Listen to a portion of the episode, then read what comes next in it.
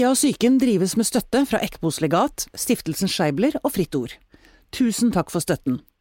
Takk også til dere som har vippset oss penger. Hvis du vil bidra, finner du oss på Vips ved å søke på Pia og psyken. Alle har en syke, og jeg vil gjerne snakke om det. Det er det vi gjør her, sammen med huspsykiater Anne Kristine og en gjest. Dette er Pia om syke. Jeg hadde et eksempel. Så Ja. Det er kult. Ja. Nå blas det i papirer her, Anne Kristine. Nå Ja. er vi inne i akademia. Det er alltid litt skummelt. Men den klarer papirbladingen gjør at vi faktisk vi begynner å bli litt imponert allerede. Ja, Jeg liker, jeg vet du, Det har jeg egentlig kommet til, Pia.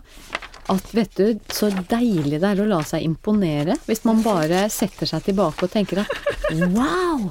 Her var det noen som kunne sakene Hun er sine. flink, og det er deilig. Det er deilig. Folk som kan sakene sine, er veldig Det er det. Det er det. Ja. Så hyggelig, da. Og den stemmen dere hører der, den tilhører eh, Sigrun Marie Moss. Hun er førsteamanuensis ved Psykologisk institutt. Hun er ekspert på politisk psykologi. Det er, eh, det er et felt også. Tenk det! Det er det. Jeg, prøvde, jeg slo det på Wikipedia, det glemte jeg å ta med. Men det er noe om altså, forståelsen av mennesket i samfunnet i dag. Mm. Er det en sånn grei beskrivelse av ditt felt? Ja, det er en sånn um, flerfaglig felt som prøver å forstå politikken, eh, beslutninger i politikken, atferd i politikken, politisk ledelse gjennom psykologiske øyne og psykologiske linser. Ja. Ja, så vi prøver å liksom anvende psykologien på alt, alt som skjer i, i, i det politiske I sfærene. den Da. politiske sfæren. Men eh, kan, vi, kan vi si liksom litt sånn stort sett at vi nå skal snakke om massepsykologien? Altså massene, psykologien i massene. Det syns jeg er fascinerende, nemlig. Mm. Og ledere, kanskje. Og, og ledere. Og hvordan ledere klarer å lede massene. Ja. Hvordan massene Og selvfølgelig, bakgrunnen for at vi gjør dette nå, har med valget i USA å gjøre. Ja. Mm. Fordi jeg, som veldig mange andre, vi kan like gjerne gå rett i kjernen av saken, Ja, la oss gjøre det. lurer på hvordan i all verden har Donald Trump klart å komme så langt som han har. Og nå ser jeg med store, beundrende øyne bort på deg og regner med at du kan gi meg svaret. Jeg kan gi deg svaret. Jeg kan prøve å gi deg svaret. Ja. Eh, det har vært noe skriving i det siste innenfor politisk psykologi på dette med at vi kanskje tar litt feil utgangspunkt. For når det, det er mange som har kalt de som stemmer på Trump, det er mange som har kalt dem for eh, dumme eller irrasjonelle eller rasister eller buffoons voting for a buffoon. Em, og da er det noe skriveri nå på at hvis man prøver å spore valg, da, em, til en rasjonalitet som vi står for. Vi syns de er rasistiske, så dermed er det urasjonelt.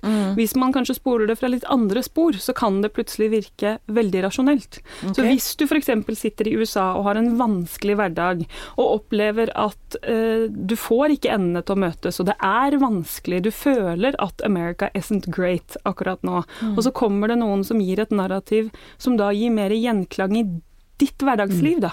Noen som gjør at du kan få en, en, et bilde av en virkelighet som gir gjenklang med den situasjonen du opplever at du er i. Han står og sier 'Make America great again', og du er enig, for America er ikke great for deg i dag. Nettopp. Men, det, men er det hovednarrativet han bruker? Altså historien han eller Hvis vi skal liksom hva, hva er det han tjener på? Hva er det han sier som gir veldig gjenklang i, i, i massene i USA? Altså, han har bygd et narrativ hvor han har, eh, veldig litt sånn enkelt og pent, ordna sånn at han har, eh, han har eh, identifisert problemet. Så problemet er at USA har falt fra sin rettmessige storhetsplass. Eh, man har da et behov for 'Making America Great Again'. Årsaken til at Amerika har falt fra sin rettmessige storhetsplass i verden, da peker han veldig mye på, på handel.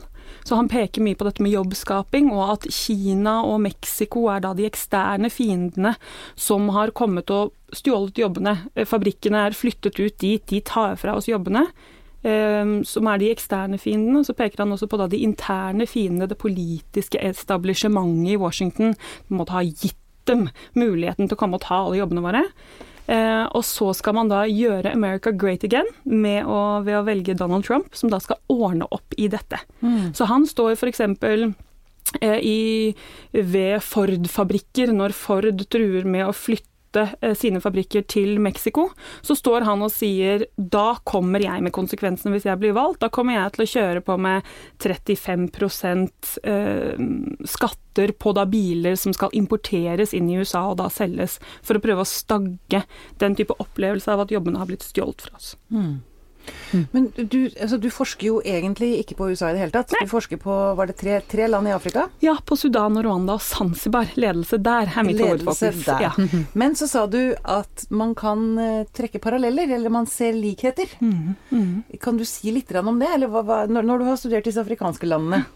Og despoter Nå kan nå avslører jeg min manglende eh, historiske, geografiske kunnskap her. Er det despoter i et av de landene der som leder, som har makta? Ja, det er vel en del som bl.a. ville ha kalt eh, Bashir i Sudan for en eh, despot. Ja, ja mm. nettopp. Eh, og kan vi, er Trump en despot? Nei, jeg vil ikke, jeg vil ikke ha ennå gått langt nok til å sammenligne han med Bashir i Sudan, men det er absolutt noe med hvordan politisk ledelse klarer å lage historier og fortellinger rundt dette med grupper. Sånn at, og man ser ofte at ledere kan være veldig gode um, identitetsentreprenører. Da. Sånn at de skaper og prøver å forme identitetsinnhold. Og da ser man ofte at de som spiller på solidaritet, har en vanskeligere jobb enn de som spiller på frykt og hat og sterke inn- og utgrupperinger. Aha, frykt og hat er måten å skape, skape hva, hva, hva er det man gjør da? Man spiller på frykt, og da så sier man at 'jeg kan forandre, jeg kan gjøre deg trygg igjen'? Ja, fordi at idet du da begynner å skille verden da, stedet, Clinton er jo et narrativ rundt, rundt solidaritet og 'stronger together'. Mm. Eh, når man da kommer med en motsats til det, og snakker om uh, dette med frykt og hvordan disse ytre fiendene kommer, og hvordan innvandrere er farlige, og hvordan man skal endre på dette, så mm. sitter dette med frykt for um, Altså vi, vi er litt sånn sårbare da, for å manipuleres eller for propaganda propaganda til å tenke at andre kan være skumle og oppfatte andre som skumle. Når han da lager veldig sterke narrativer mm. på de skumle der, som, som, vi skal stenge ute for å trygge oss, mm. så kan det ofte være lettere å få til å manipulere folk til å kjenne veldig på min gruppe. Jeg står med min gruppe, han beskytter oss. I ja. forhold til det å spille på at alle skal være med. Nettopp. Men og eh, dette var noe av det samme som Hitler spilte på. Ja, Hitler var veldig effektiv i, i dette med opplevelse av inngruppa, da, den gruppa du er med i. Mm. Så han eh, skapte jo kjempesterke og veldig levende bilder eh, for tyskere på dette med stolthet rundt Tyskland, på dette med at vi skal ha vår rettmessige plass. Og Trump spiller jo også på denne rettmessige plassen i verden som vi har mistet, uten nødvendigvis å dra videre sammenligninger mellom de to. Mm. Men ja, det er noe med altså, muligheten for da, eh, manipulering av opplevelse av identiteter, mm. eh, og hvem vi er en del av, og hvem som er annerledes enn oss ja. i, i, ledelse. Ja. Um, um, dette, for å nå igjennom med en sånn, uh, med en sånn retorikk, er man da avhengig av at mennesker har det vondt? Skjønner du hva jeg mener? Mm. Altså, det, er vel, det, er vel, vanskeligere å få det til Det hadde vært verre for en Trump å slippe til i Norge. Ja, ja, absolutt. Og det er jo noe med at det må De bildene man lager av verden, må jo da gi gjenklang i mm. befolkningen. Mm. Sånn at hvis du har et narrativ som skal bestå av at vi skal gjøre USA great again, så må man ha en opplevelse av at vi i hvert fall ikke er helt der vi burde være. Mm. Så hvis du hadde hatt en politisk leder som i dag begynte å snakke om at vi skal gjøre Norge bedre å bo i økonomisk sett, så, så er det ganske mange i Norge som ikke ville ha tenkt at det var en viktig kampsak. Nei. Sånn at det må absolutt gi gjenklang i befolkningen for at man da skal klare, mm. uh, klare det. Ja. Ok. Um, og så lurer jeg på nå um, Dette med altså, å nå massene. Mm. Er det lettere eller vanskeligere i dag med alle altså med eh, internett og sosiale medier og sånn? Altså ja, man når lettere ut med budskap, men det er samtidig så sinnssykt mange budskap der ute. Mm, mm, er det lettere å få med seg mennesker i dag enn det var for å si 100 år siden eller 50 år siden? Er Interessant uh, spørsmål. Uh, som du sier, kanalene er mange flere. Sånn Mm. at i, i, i hvert fall i denne type, type demokratiske land, hvor du faktisk har Det er mulighet for mange konkurrerende narrativer. I en del andre land så begrenses jo de narrativene veldig, da. Mm. Eh, Men så lenge det er mulighet for mange konkurrerende narrativer, så kan det jo være et både ja og nei. Du, du når veldig mange flere på mange ulike måter med ditt narrativ, Mm. eh, men de hører også mange andre narrativ. Det er akkurat det. Ja. det jeg, om vi- jeg, jeg er så interessert i dette med altså, jeg, øh, øh, Hvor individualistiske er vi? Altså hvor, hvor selvstendig er jeg i min tenkning? Mm. Og hvor mye er det massene, vennene mine, Mm. omgivelsene mine, som avgjør Altså hva jeg ikke sant? Vi snakker om dette med ekkokammeret på Facebook. At. Facebook, eh, disse algoritmene nå bare gir deg ting som du allerede er enig. Mm, mm, Og du utvikler deg ikke på den måten. mm. Jeg, ja, jeg har, nå hører jeg at jeg har ikke noe klart spørsmål her. Men jeg Nå ser jeg bort på Anne Kristine også i forhold til eh, Altså hvor eh, Vi er jo flokkdyr, vi menneskene. Ja, vi er det, og så er det jo veldig spennende. Det fins jo masse teorier og masse på dette, men altså det er veldig naturlig for mennesker å høre til. Og så vil vi gjerne gjøre det som er rett, og så tror vi at flertallet har rett.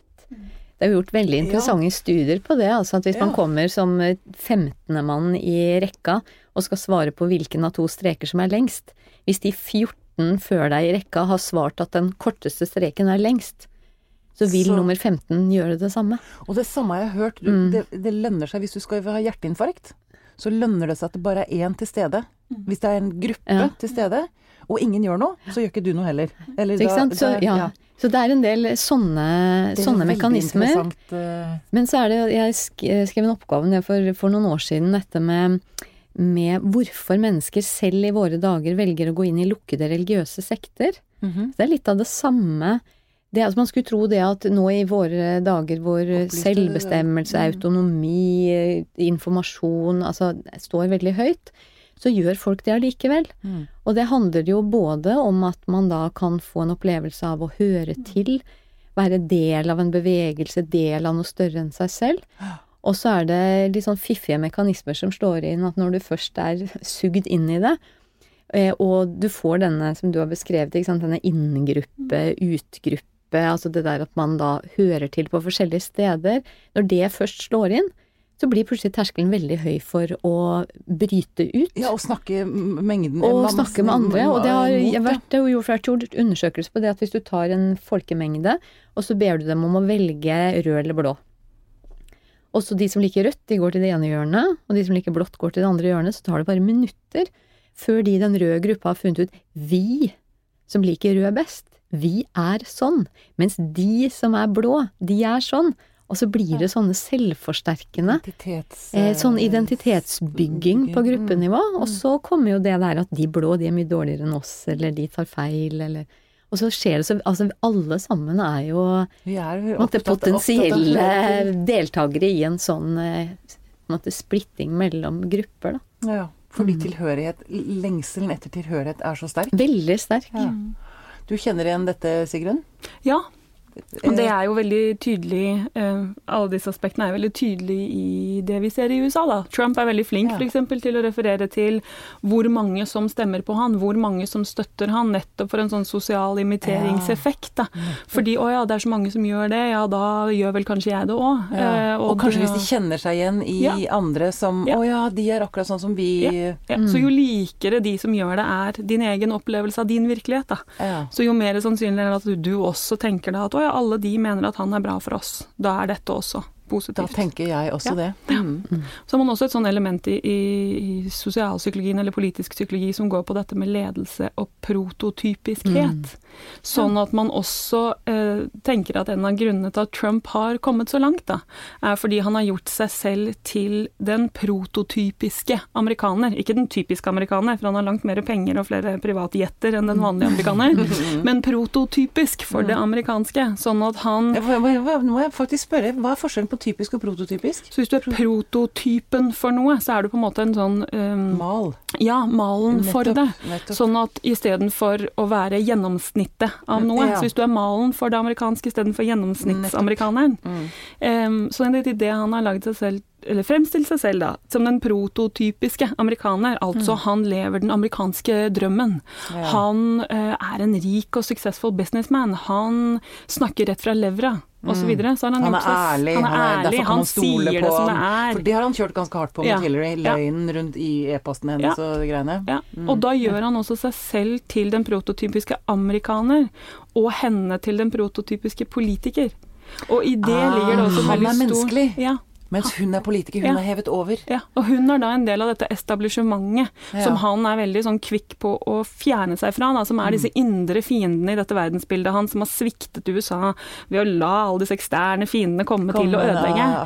Og når han da gjør seg selv til den prototypiske amerikaner, og henne til den prototypiske Um, politiker, så er det også, spiller han jo også på dette at man ser at fra um, i ti- under tidligere presidenter at man har hatt opp mot 70 tiltro til eh, amerikanske måte, institusjoner og den politiske ledelsen i USA, så er man nå nede under 20% og særlig da enda lavere blant de republikanske.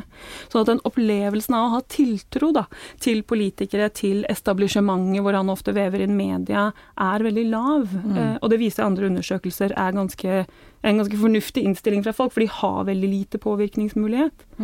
Og dermed så får han også mye cred på det, da. At det er mange som sier å, nå sa han noe skikkelig speisa som jeg er helt uenig i, jeg syns ikke han burde kritisere Khan-familien, men han snakker i hvert fall ærlig. Han sier Ja. det som han syns det er, sånn at selv om han sier ting de er totalt uenig i, så kan han tjene på det Ja. at han er litt drøy, fordi de bare å, endelig, noen som Endelig jeg som snakker snakker. sant. Men nå bare kom jeg på Det var litt det credo Carl Erik Hagen fikk her til lands, er det ikke det? Da han, da han Frp liksom Ja. Og det er mange paralleller mellom Fremskrittspartiet og den type populistiske partier, da, Ja. til det han holder på med, nettet at man deler i en verden i vanlige borgere og en sånn elite. Og da vil vi heller representeres Man tenker i gruppepsykologi at man, jo mer prototypisk vi oppfatter at en leder er for gruppa, jo mer effektiv ledelse kan vedkommende få. Så jo mer han prøver å forme bildet av hva det er å være amerikaner, og former seg selv som den prototypiske amerikaner, jo bedre spinner han da et bilde av seg selv som leder, da, for, fordi dette bildet resonnerer og gir gjenklang hos ja. Nettopp. Så utrolig spennende. Og det er ofte de samme mekanismene som slår inn hvis man bare setter folk i, i et rom, og de skal velge leder selv òg. Så blir det ofte det at den som blir valgt, er den som er mest lik alle. Ja. Fordi, og så vet man jo noe om det at etter hvert så det jo, blir det jo utfordringer. Men altså, så det er, sånn sett så kan man jo si at det amerikanske folk har vært med på å få fram mm. den presidentkandidaten de har også. ja. Altså vi er rett og slett at, eh, at det er, det er en måte materiale i massen til å ønske seg en sånn leder. ja. Så han har ikke bare kommet seilende fra Nei, nei. utsida eller fra sidelinja, egentlig. Nei. Nettopp. Men så var det vel også noe med at ingen trodde at han kom til å gå Ingen tok han så seriøst. Så ingen, ingen tok han på alvor. Så det- Nei, det var veldig mye sånn han varer i to uker. Ja. Ok, han varer i én uke til. Han Ja. varer i én uke til. Han vinner aldri dette valget. Og hvem vet hva som skjer neste uke? Hvem vet? Ja. det, tror, du, tror du det er en, en mulighet for at han kan vinne?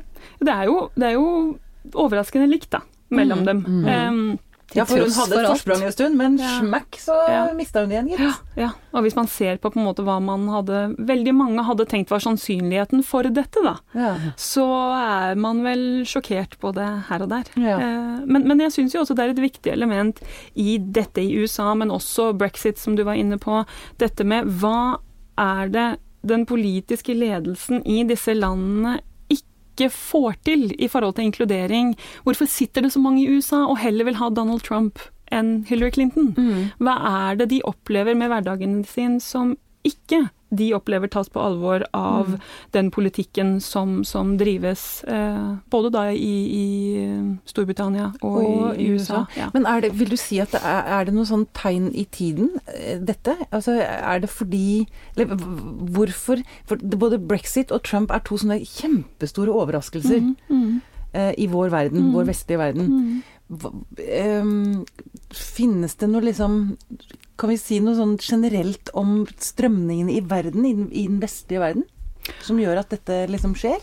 Altså, jeg tenker jo at det, det mye går på disse som sitter og eh, opplever at de ikke høres, da, og at de ikke opplever at politisk ledelse skjønner eller gir noen god forståelsesramme rundt de opplevelsene de har, og at eh, det var en sak nå i, i eh, A-magasinet om en firebarnsmor i USA som må avlyse jula fordi hun betaler ennå Mm. på julegavene fra i, i fjor. Eh, og det er klart at hvis du da har stemt på Obama, da, og åtte år senere så er det situasjonen din. Når Obama kom inn, så var vel fattigdommen på 13,2% i USA, og nå er den på 13,5.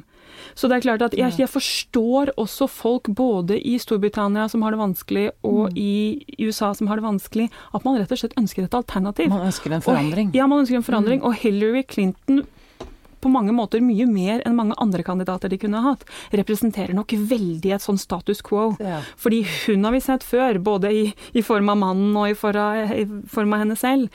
Og hvis man vil ha en endring, vi vil ikke ha mer av det samme. Hun og, og Obama snakker om USA er allerede great.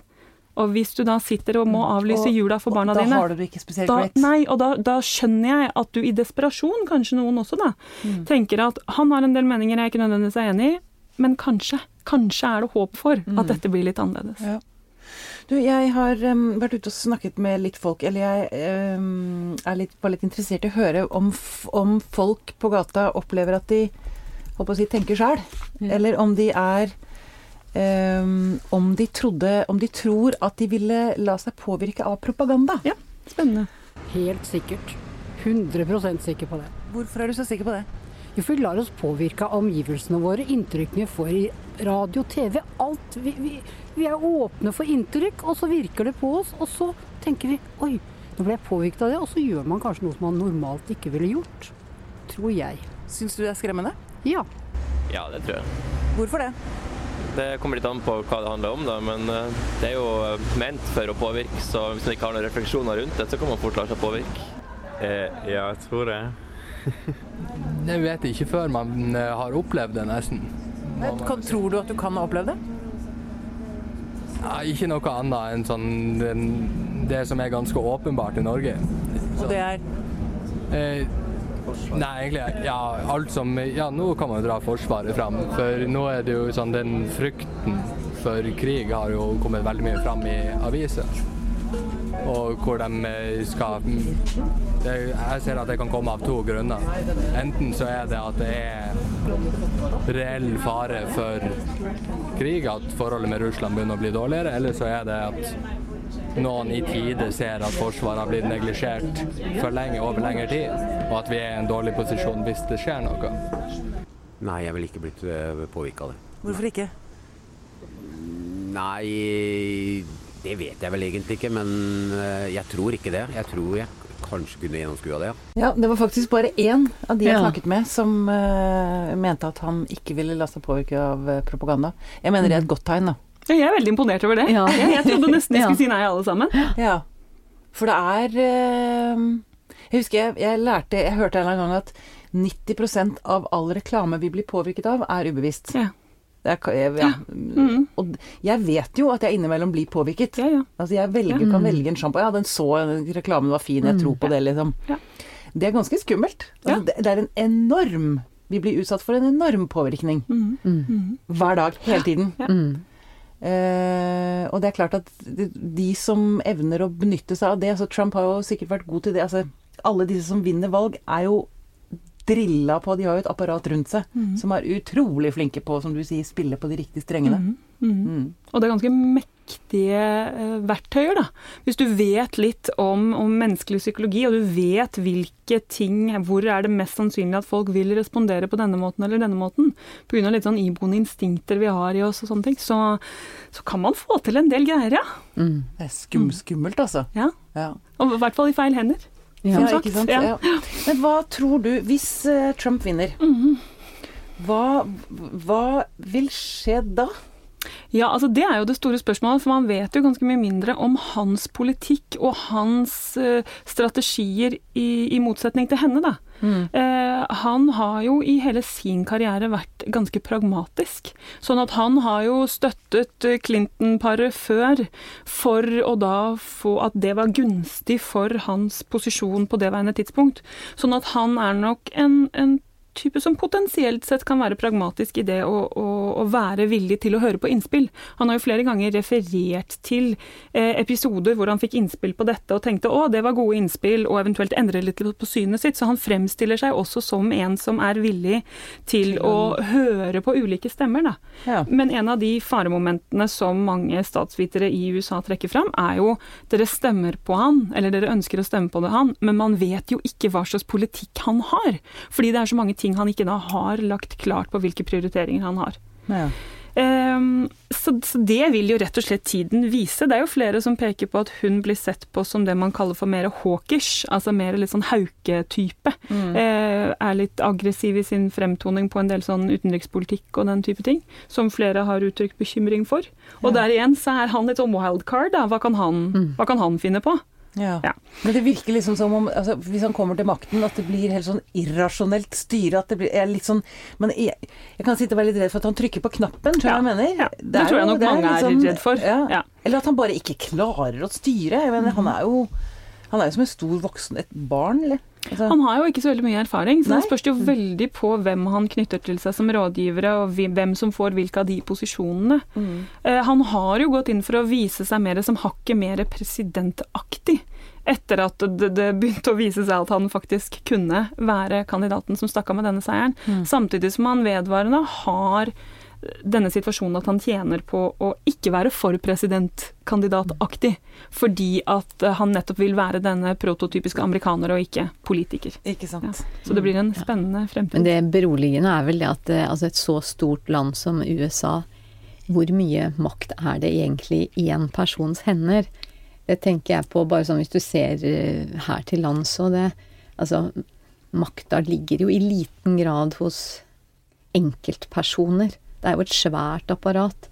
Så, så jeg tenker når jeg tenker på USA, så tenker jeg det er jo mye kloke, fornuftige folk som er der nå, og som mange av de kommer kanskje til å bli Han må jo ha rådgiver på alt. Det er jo ikke han som sitter aleine ved skrivebordet sitt og bestemmer alt. Men vi har vel Det er en sånn trøstetanke, i hvert Jo, fall. jo, jo, men vi har vel eksempler på andre ledere som virkelig har Altså, alle land har, består Ja bare av én person. Nei da, altså, nei da. det, ikke sant? Ja. Og det, vi har jo eksempler gjennom historien Ja. På ledere som virkelig har skapt altså havoc. Ja. Og så er det vel noe med at for det første så velger han jo en del av disse rådgiverne selv, så hvem er det han velger? Ja. Eh, Så jeg er veldig enig i det at veldig mye av den reelle makten blir nok liggende i en del av de rådgivende posisjonene, men hvem kommer de til å være? Ja mm. Og så er det vel også en del med at USA er lagt opp til at man har en del sånne presidential decrees, hvor presidenten i situasjoner hvor det er trusler eller sikkerhet, kan ta en del egne avgjørelser. Og det er klart, da er det jo plutselig potensielt sett Trump sin bedømming som gjør hva, hva skal de egne avgjørelsene være. Så um, og så er det klart sånne ting som diplomati og omdømme, og at det går mye på personlige relasjoner. Han mener jo at han ville vært bedre på det enn henne. Eh, fordi at han kan ha nye typer relasjoner til Russland osv. Ja, han og Putin er plutselig Ja, er kjempekompiser. og- Ja, så hvem Ja. vet om det hadde vært veldig negativt eller potensielt sett positivt. At, ja, Ja. det blir en spennende framtid, rett og slett. Eh, Rett og slett. Rett og slett. Ja. Du, har du, var det noe tall du hadde lyst til å trekke frem? Ja, jeg bare tenkte på dette med um, i, i henhold til ledelse, eh, politisk ledelse, så snakker vi også ofte på denne påvirkning politisk ledelse kan ha. Så snakker vi også en del innenfor psykologien med dette med framing. Eh, hvordan man um, litt sånn eh, fremstiller et tema. Pakker det inn. Eh, ja, og om legen sier at du har 95% sjanse til overlevelse, eller om du har 5% sjanse til å dø, og at det påvirker hvilke bilder man sitter med. Ja. Ehm, og jeg bare hadde et eksempel på, på den type Altså på effekten politisk ledelse kan ha f.eks. fra Israel, hvor det er gjort studier på dette med eh, om israelske jøder er villige til å se på israelsk, eller israelsk kontroll over Vestbredden, enten som frigjøring av Vestbredden eller okkupasjon av Vestbredden. Nettopp. Og hvor man da har gjort eh, ved Universitetet i Tel Aviv, så er det sosialpsykologiske forskere ved Daniel Bartal som har gjort studier på dette. Og hvor man også ser på at jo mer villighet til å se på det som en okkupasjon, jo mer støtte finner man for fredsprosesser, jo mer støtte finner man for å ønske å gå i protester mot urettferdighet og den type ting. Og hvor man da eh, i 2004 fant at det var 51% av israelske jøder som var villige til å se på kontrollen over Vestbredden som en israelsk okkupasjon av Vestbredden. Ja, Så de var åpne for fredsforhandlinger, eller, og åpne for å søke mot en eh, mm. Ja, så idet de var åpne for å definere det som en, okkupa nei, som en, som en okkupasjon, så så- så man også at de dermed var mer åpne for fredsprosesser, mer åpne for den type ting. I 2007 var dette nede til rundt 27 Oi. og i 2016 er det nede i 23% Så da har man en, en, på en måte en halvering av den prosenten da, som er villig til å se på det som en okkupasjon, og når man heller ser på det som en frigjøring av landområdet. Og hvor man ser at politisk ledelse i Israel har vært veldig eh, opptatt av å skulle fjerne dette konseptet om okkupasjon. Ja. Så man Og beveget seg over mot frigjøring. frigjøring av Dette jødene. er det vi gjør. Vi frigjør Vestbredden. Um, og den type ordvalgeffekter, da. I forhold til også med Donald Trump som snakker om at vi skal ha extreme vetting. Altså vi skal sortere ut mye bedre på innvandrere vi får inn i landet vårt. På hvem skal være De skal ha de samme verdiene som oss. Eh, de skal være for homofile rettigheter, for kvinnerettigheter. Så kan man jo diskutere om han er for det. Og at det har potensielt sett veldig stor samfunnsmessig påvirkning på hvordan folk i samfunnet da oppfatter tematikker som er viktig, eh, særlig for dette med sånn sosial, eh, sosial det sosiale miljøet i samfunnet. da, På hvilke ordvalg ledelse har, og hvordan de kan framstille virkeligheten. Ja. Hvordan, til slutt, nå lurer jeg på hvordan vi holdt på å si, selv kan bevisstgjøre oss på akkurat det som du snakker om, ordvalg eller, eller propaganda. Altså, hvordan klarer man å analysere og se på det mest mulig objektivt av den informasjonen man får? Det er veldig vanskelig. Det er, jo, det er jo også noe med at det er lett å snike inn manipulering fordi det er så utrolig mye informasjon hele tiden. Så det er så tung jobb for oss å sitte og vurdere alle de tingene vi blir liksom overpøst med. Men det er jo sånn som nå ja, i Norge, da, nå nylig, hvor Sylvi Listhaug sier at eh, de må gjøre sånn som oss. Her spiser vi svin. Svinekjøtt Her dekker vi ikke til ansikt, ansiktet, og her drikker vi alkohol. Så plutselig så har hun da definert norskhet, nesten, som noen som spiser svin, drikker alkohol og, og viser, ansiktet. Sånn at jo smalere definisjoner vi har av hvem som får lov til å være en av oss, jo vanskeligere tenker jeg jo fort at det også er for samfunnet vårt, da. Og hvem vi, vi ser på som, som eh, ikke-nordmenn eller fiender eller noen vi ikke vil ha her, på grunnlag av om man spiser svin og drikker alkohol. Jeg drikker ikke alkohol. Eh, betyr det at jeg i Sylvi Listhaug sine øyne Du ikke får lov til å være norsk? Ja. Mm. Og, og det får fort større konsekvenser enn man tenker, da, fordi det legitimerer en del ståsteder som, man tidligere, som tidligere ikke nødvendigvis var greit å si høyt. Og jo mer politikere går ut og legitimerer at dette er greit å si, jeg sier dette på Facebook-sida mi, du er ikke norsk hvis ikke du spiser svin, drikker alkohol og viser ansiktet ditt. Hvilk, ja, da, da er det plutselig kortere vei til å få lov til å, å uttrykke samme meninger mot folk. Det er å gå opp til folk på Da- gata og, og komme med diskriminerende og Da snevrer man inn oss. Ja, Da blir oss mindre og mindre og mindre. ja, det blir mindre og mindre. Mindre og Og, og da blir de mer sterkere og sterkere dem. Og det man jo ser, som du var inne på tidligere, dette med at når vi gjør det, ser på oss som noe og dem som noe annet, så har vi en tendens til å se på gruppene som likere og likere innad. Vi er likere og likere oss, og de er likere og likere dem. Og forskjellen mellom oss og dem blir da større og større. Og jo mer vi klarer å sette fokus på identiteter, at de står i sånne motsetninger, jo viktigere blir også gruppa for oss, og jo større opplever vi den avstanden mellom oss og må være. Så det, mm, det er noe med å være veldig bevisst på den påvirkning man kan ha, da, og prøve å avdekke. For nå har det jo vært flere eh, kronikker som har nettopp pekt på at det ordvalget, det er ikke greit. Vi vil ikke ha det. Vi vil ikke ha en offentlighet som da, hvor det skal være greit å si at det er ikke norskt. Da får jeg ta det opp med meg, som ikke drikker alkohol. At jeg ikke kvalifiserer også. Veldig spennende. Um, noe dere har lyst til å si til slutt, noen av dere? Om eh, Jeg har lyst til å si én ting som jeg eh, tenkte på når du snakka nå, og det er det begrepet definisjonsmakt. ja. Altså, for det er jo litt det det handler om. Ja, ja. Eh, og eh, det er kanskje, kanskje jeg har litt sånn sær interesse nå, men, men eh, den første advokaten som er beskrevet i, i romersk historie, Cicero, han vant sin første rettssak. Oddsene var kjempedårlige, og den andre var flink, og han hadde en dårlig sak. Men han vant den fordi at han hver gang han eh, slapp til og skulle argumentere, så definerte han virkeligheten. Ah, For den andre sant, definerte og sa det, og hvis Cicero da hadde gått inn i den andre sin forståelse, så hadde han tapt. Men han starta hvert argument med å lage rammen, Ja. med å presentere virkeligheten for juryen, for de som hørte på, og så kom han med sitt argument. Sånn at så de altså- trodde på han fordi det var han som hadde definisjonsmakten? ja, for han, han, Han han, tok altså han tok definisjonsmakten, og det er det jeg tror at folk flest burde være opptatt av, å ikke la noen andre sitte med definisjonsmakten. Og det er vel én fordel vi har i dag, må Mm. vi vel si. Med så mange kilder til både meninger og nyheter Mm. og kommentarer. At det er ikke like lett å få Nei. grep om oss, fordi vi får faktisk forskjellige meninger Mm. presentert. Er er dere ikke enig i det? Jo, Ja. jo. Og da får man nettopp de motnarrativene som kan fortelle andre, andre innhold. Man trenger Ikke nødvendigvis være enig i motnarrativet for at det skal ha en effekt. Bare å Nei. høre alternativer Ja, gjør at du også blir mer var på alternativer. Da. Ja. Ja. Du begynner å tenke, tenke sjøl. Ja. Ja, veldig bra. Eh, Da skal det bli spennende å se hvordan det går med i USA. ja, det blir det. Framtida er spanende. Ja. Tusen takk for at du kom til oss, eh, Sigrun Marie Moss. Veldig hyggelig. Takk.